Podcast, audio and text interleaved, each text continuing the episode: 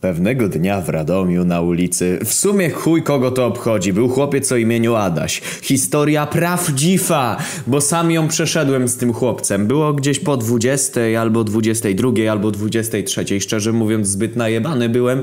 I to było tak, że Adaś, chłopiec, którego spotkałem, skarżył się na nieustającą sraczkę, więc postanowiłem, że mu pomogę.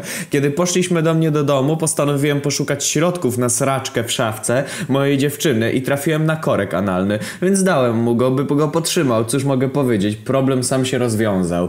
Tylko tak średnio bym powiedział, ponieważ go zatkało, co można wziąć za sukces, bo już nie skarżył się na srakę.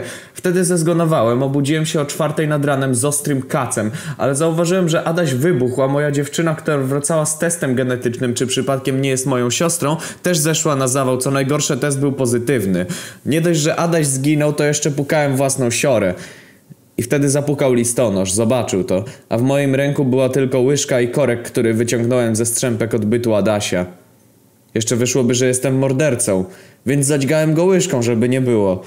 Teraz muszę się ukrywać, piszą o mnie w gazetach i wiem, co wy sobie myślicie. Spokojnie, wasza sraczka zostanie wyleczona.